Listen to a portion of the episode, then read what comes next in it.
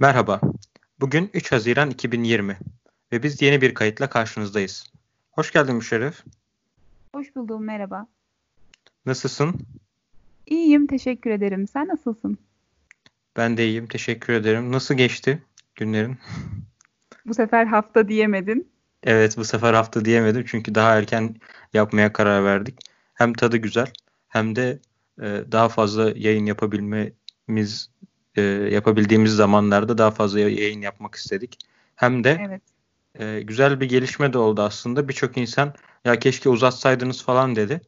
Biz de aynı konu üzerine daha fazla çekmektense başka konularla bir araya gelmeyi düşündük. Evet çok ben doğru yaptığımıza inanıyorum. Çünkü ilk videoda hani böyle bir alışma süreci vardı. İlk kayıtta daha doğrusu. insanlar sesimize alışıyordu, konulara alışıyordu. Şimdi o alışkanlığı sağlamaya başladık sanırım. Ya neden bu kadar kısa denince e, bir daha çekmeye karar verdik. Benim de birkaç günüm gayet iyi geçti o yüzden. Hani bu motivasyonla geçtiği için gayet iyiydi. E, senin nasıldı günlerin? Bir de ben sormuş olayım. Benim de aynı şekilde güzeldi. E, İstanbul'da hava biraz kapalı birkaç gündür. O yüzden evet psikolojimizi etkilediğini e, etkilemeye çalışsa da buna izin vermiyoruz. Çünkü motivasyonumuz yüksek. ee, yavaş yavaş girelim bu konuya. Tabii tabii. Geçenlerde bir tane e, belgesel izleyeyim diye böyle televizyonun karşısına oturdum. Netflix'i açacaktım. Netflix'te kısa belgeseller izlemek istedim yani. Eğlenceli Tarih Dersleri diye bir belgesel serisi var biliyorsun sana da bahsetmiştim. Ee, orada ne izleyeyim diye bakarken nükleer enerji üzerine 20 dakikalık bir belgesel vardı. Onu izleyeyim dedim.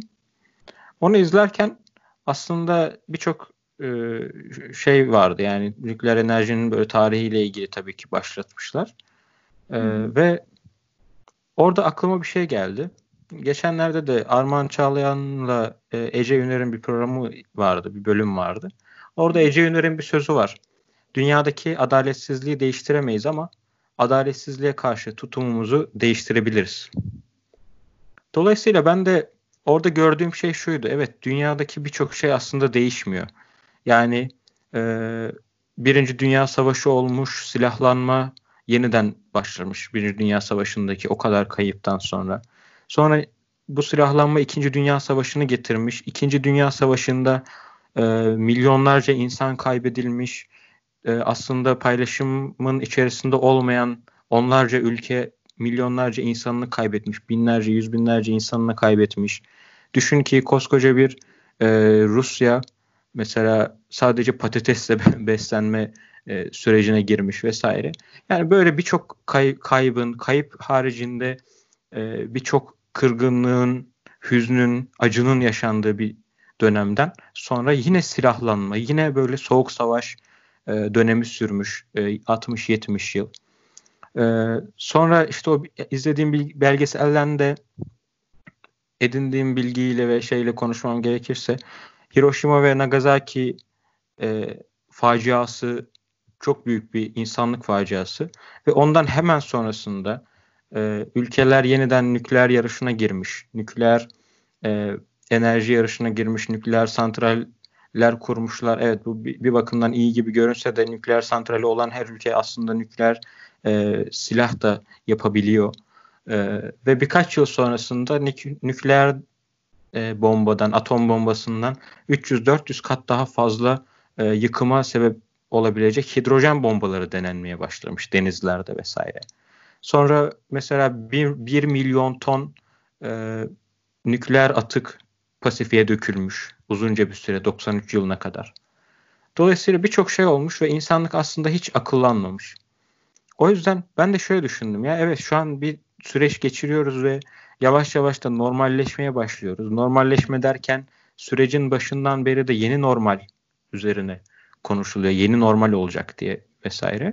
Ben de buna dedim ki aslında normal bir yeni olacak. Yani hiçbir şeyin değişmediği bir yeni olacak. Çünkü bu kadar saydığımız facianın yanında şu an yaşadığımız aslında çok çok büyük bir şey değil. Evet hepimiz evlere kapandık ve dünya tarihinde çok az görülen bir şey gibi görünüyor ama e, şu an dünyada e, ölüm mesela e, 382 bin, 383 bin civarı. Vaka sayısı, toplam vaka sayısı 6 milyon. 6,5 milyon civarı. 3 milyonda iyileşme olmuş yaklaşık olarak. Ee, en büyük can kaybı Amerika'da olmuş. 107 bin e, insan ölmüş. İkinci sırada İngiltere var. Aslında makas çok açık. 39 binle e, o da onlar da öyle bir rakama ulaşmışlar. Evet. Ölüm sayısı anlamında. Dolayısıyla e, bugün aslında yaşadığımız şey diğer savaşlara ve başka facialara göre e, oransal anlamda çok küçük. Dolayısıyla bütün insanlığın buradan ders alıp da bir şeyler yapmasını beklemek biraz da saf dillik oluyor. Dedim ki biz ben de dedim ki yani yeni bir normal, yeni bir dünyadansa yeni bir ben ortaya koyabiliriz bu süreçte. Evet. Örneğin insanların büyük bir çoğunluğu demesek de azımsanamayacak bir bölümü bir ay daha evden çıkmak istemiyor mesela ve çıkmamaya çalışacak. Aslında bu buna bir tepki. Genel e, yapılan her şeye rağmen çıkmak istememek bir sessiz bir tepki gibi düşünebiliriz. Yani yeni bir ben dediğimiz zaman desek sen ne e, anlarsın ya da nasıl anlamlandırırsın? Şimdi doğru bir açıdan baktığını düşünüyorum. Öncelikle yeni bir beni sorgulamak, yeni bir beni oluşturmak lazım. Çünkü her işte olduğu gibi burada da kişinin önce kendinden başlaması gerekiyor değişime. E, cümlenin başında e, Ece Üner'den de alıntılayarak adaleti, adaletsizliğe karşı tutumumuzu değiştirebiliriz dedim. E, adalet demişken benim de aklıma Montaigne'in bir sözü geldi. Adaletin olmadığı yerde ahlak da yoktur diye. Buna tersten bakmak istiyorum. Ahlakın olmadığı yerde bir adaletten de söz edemeyiz aslında baktığımızda. Evet aslında. O yüzden evet. Yeni bir ben oluştururken önce ahlaki bir güncellemeye gitmemiz lazım. Şimdi ahlaki güncelleme deyince belki dinleyenler arasında ya ben ahlaksız mıyım bu nasıl bir cümle e, diye sinirlenen, öfkelenenler olabilir ama unutmamak lazım. Ahlaksızlık sadece sapıklık olarak nitelendirilmemeli. Evet, yani bir kişiye muhakkak. biz ahlaksız dediğimizde ya sen sapıksın demiyoruz çoğu zaman. Ahlaksızlık dürüst olmayan ve doğru olmayan davranışları uygulayan kişiler için de kullanılabilir. Ya da ahlaki yasaları ihlal eden kişi de ahlaksız olarak nitelendirilebilir. Toplumun değerlerine ihanet eden, bozgunculuk yapan insanlar ahlaksız olarak nitelendirilir. Hırsızlık bir ahlaksızlıktır. Kişisel çıkar için yalan söylemek, hak yemek ahlaksızlıktır. Mesleki etiğe aykırı davranarak görevi kötüye kullanmak ahlaksızlıktır. O yüzden önce değişme başlarken kişinin kendi ahlakını güncellemesi gerekmekte. Görüyoruz ki hepimiz televizyonu açıyoruz, birçok haberle karşı karşıya kalıyoruz ve insanların çoğunluğu ne yapıyor? Açmış oldukları o haberlere öfkeleniyor, sayıyor, sövüyor, televizyonla konuşuyor çoğu insan. Ya bu çok fazla görülen bir şey. Ee, yani denebilir ki herkes yargı dağıtıyor televizyonun başında. E, peki sen? Yani o kişiye bunu sormak lazım. Sen ne kadar ahlaklısın? E, bir düşünelim. Yani sen bozuyor musun toplumun huzurunu? Sen çalıyor musun? İşte sen kopya çekiyor musun? Sen hakarete başvuruyor musun? Sen aslına gaddarken üstüne melek kesiliyor musun? Senin adalet anlayışın makama göre mi? Senin gücün, gücünün yettiği kişiye mi? Yani Tolstoy'un bir sözü var. Sakın diyor ahlak kurallarını çiğneme. Çünkü öcünü çabuk alır. Bugün baktığımızda evet, güzelmiş. Bugün baktığımızda ne görüyoruz? Yani televizyonlara bakıyoruz ve diyoruz ki ya bu dünya nereye gidiyor? Her şey çok kötü, insanlar çok merhametsiz. Nasıl bu kadar kötü olabiliyorlar?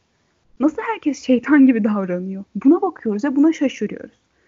Aslında bizim çiğnediğimiz ahlak kurallarının öcü alınıyor. Ve sonunda diyoruz ki niye böyle oldu? Kendimize sormamız lazım. Neden böyle oldu? O ahlak kurallarını çiğneyen bizleriz. O yüzden yeni bir ben derken önce amiral gemisini belirlememiz lazım. Bu konunun amiral gemisi ne? Bizim amiral gemimiz ne? Ve her zaman her ülkede, her toplumda amiral gemisi ahlak olarak belirlenmeli. Çünkü ahlaki kurallara uygun davrandığında zaten adaleti es geçmemiş oluyorsun. O zaman adaletli bir düzen sağlanmış oluyor. İşte ilk olarak bizim ahlaki temele oturtturmamız lazım. Yaptığımız her şeyi. Yani şey gibi düşünelim bir binanın e, temeli gibi düşünebiliriz ahlakı. Ve bunun üstüne eklediğimiz her eklediğimiz taş o temel sağlam olduğu için orada duracak. Ama biz o temeli sarsarsak ne olacak? O temel eksikse ne olacak?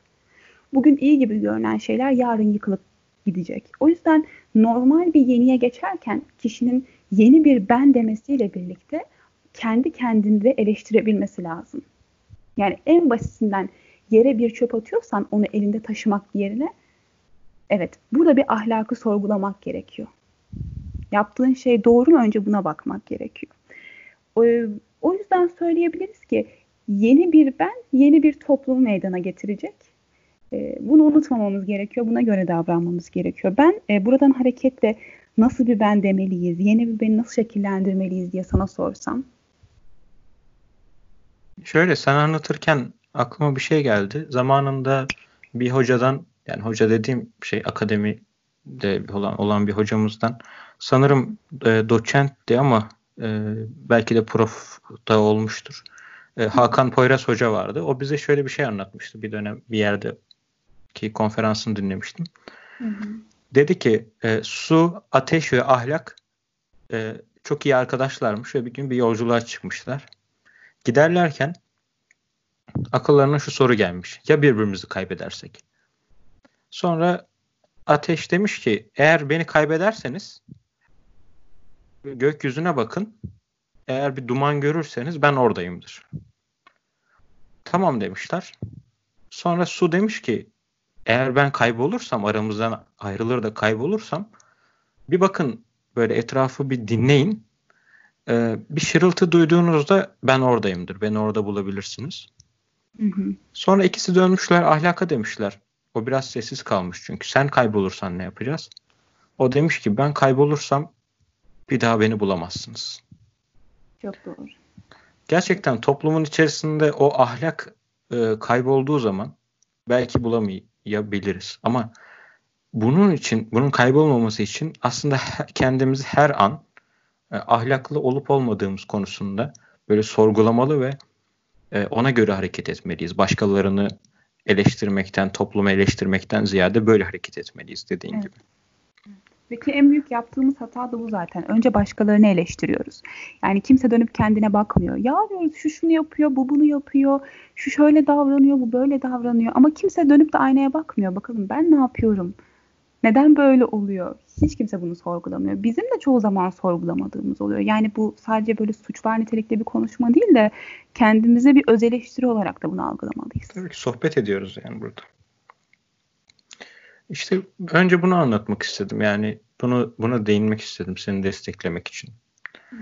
İkinci söyleyeceğim de yani yeni bir ben deyince ben özellikle şu noktaya e, dikkat çekmek istiyorum. Sürecin başından beri, korona duyulduğundan beri e, çok fazla bilgi kirliliği oldu. Dünyada ve Türkiye'de. O kadar çok bilgi kirliliği oldu ki insanlar çok saçma sapan şeyler yapmaya başladılar. İşte tuzlu su gargarası mesela işte koronanın boğazda dört gün boyunca beklediği vesaire. Yani böyle aslında bunlar safsataydı ama o anda böyle gelen bilgiyle insanlar ne yapacağını şaşırıp hiç böyle mantık süzgecinden geçirmeden direkt olarak bunu kabul ettik. Çünkü çok fazla bilgi karmaşası ve kirliliği var ve o süreçte neyin doğru neyin yanlış olduğunu öğrenemiyorsunuz, düşünemiyorsunuz. Dolayısıyla bence bu süreç aslında medya okur yazarlığı olarak zaten dersleri de verilen ve sürekli üzerine konuşulan uzun zamandan beri bir şeyi e, aslında tabana yayma noktasında bir gelişme göstermemiz gerektiğini düşünüyorum. E, öyle ki mesela televizyon programlarından herkes işte e, şikayetçi ama belli ki izleniyor ve yapılıyor, izleniyor ki yapılıyor. Dolayısıyla evet. işte yalan haberden vesaireden işte böyle çelişkili asparagas haberlerden herkes şikayetçi ama o aslında bir psikolojiye hitap eden bir durum ve e, kabul görüyor toplumda karşılık buluyor ki yapılıyor. O yüzden bence bu noktada medya okur yazarlığında e, daha başka bir şekilde ilerlemeliyiz diye düşünüyorum. Edindiğimiz bilgileri bir, birkaç yerden, birkaç farklı yerden teyit etmeliyiz diye düşünüyorum başka yerlerde acaba bu böyle mi diye tersine mühendislik gibi tersine bir araştırmayla e, değiştirmemiz gerek yani incelememiz gerektiğini düşünüyorum.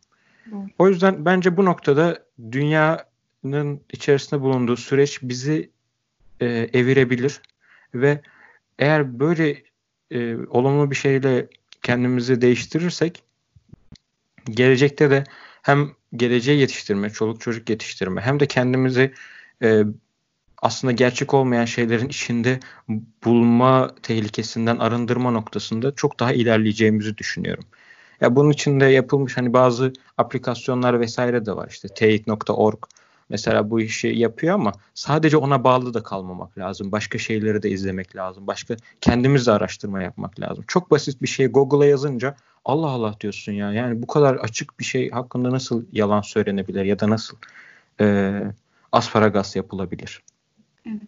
Bir başka noktada ikinci söyle düşündüğüm yeni bir ben de şu farklılığımızı yükseltmek mevzusu. Hani biz hep aramızda konuşuyoruz ya aslında onu da söylemek lazım. Yani farkındalığı e, eğer yükseltirsek en azından hiçbir şey yapamıyor olsak bile o konuda bir bilgimiz olur. O konuda bir e, algımız olur. Ve ileride bir gün o konuda bir şey çıktığı zaman o algıda seçicilikle gerçekten hani ben bunu daha önce duymuştum demek bile çok önemli. Yani o kadar çok can kaybı oluyor ki ve o kadar çok e, insan etkileniyor ki bu olaydan. Hani biraz önce dedim rakamlar dünya için küçük ama bizim için büyük. Yani o 25 kişi 30 kişiye şimdi düştü ama e, o bir kişi eğer bir kişi varsa sizde e, sizin evinizde sizin ailenizde or, oran aslında yüzde yüzdür yani. Evet. Dolayısıyla o farkındalığı yükseltmek lazım. İnsanlar ölürken, insanlar hayatlarına veda ederken, yarım kalmış şekilde veda ederken biz gerçekten bu hayatı e, ne kadar anlıyor ve anlamlandırıyoruz. Buraya e, eğilmek lazım. Problemler, toplumsal problemler hakkında, çevresel problemler hakkında. Ya sokak her her gün geçtiğim sokaktaki e, bir kaldırımın, bir çöpün mesela durumunun kötü olması noktasında biz ne kadar e, duyarlılığımızı koruyabiliyoruz? Her gün gördüğümüz için o duyarlılığı acaba e, düşürüyor mu? Yoksa gerçekten bir şeyler yap, yapmak gerektiğini mi hissediyoruz? Yani bir şeyler yapabildiğimiz noktada yapabilmeliyiz ama yapamadığımızda da en azından bu farkındalığımızın e, üst düzeyde olması ya da ideal düzeye yaklaşması gerektiğini düşünüyorum.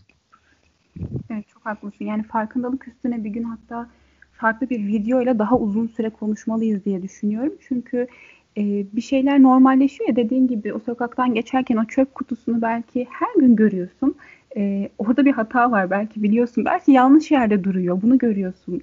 Ya da bir meydanda hiç yok mesela. Bunun farkındasın ve bu seni rahatsız ediyor. Ama hiç harekete geçmiyorsun. Ya da belki bunu unutup gidiyorsun. Televizyonda gördüğünde bile ya da bir sohbet ortamında konuşulurken bile senin farkında olduğun bir konu halinde gelmiyor hiçbir zaman. E, bunları aşabilmemiz lazım. Yani bakarken pasif bakmak değil de daha aktif bir bakış açısıyla bakmak lazım çevreye. Bazen olur insana anan gelir e, benim bazen karşılaştığım oluyor kendimde. Yani daha önce 10 kere geçmişim o yerden. Hiç fark etmemişim bir şeyi. Beni rahatsız eden bir durumu. Ee, ama 11. geçişimde bir anda aa diyorum. Yani bugüne kadar ne kadar boş bakmışım. Ve insana o an şu his geliyor. Ya dünya bu kadar uzun değil. Yani benim yaşamım en azından bu kadar uzun değil. Ben bir şeyleri farkında olarak yaşayabilecekken neden ot gibi yaşıyorum? Neden hiçbir şeyi fark etmiyorum?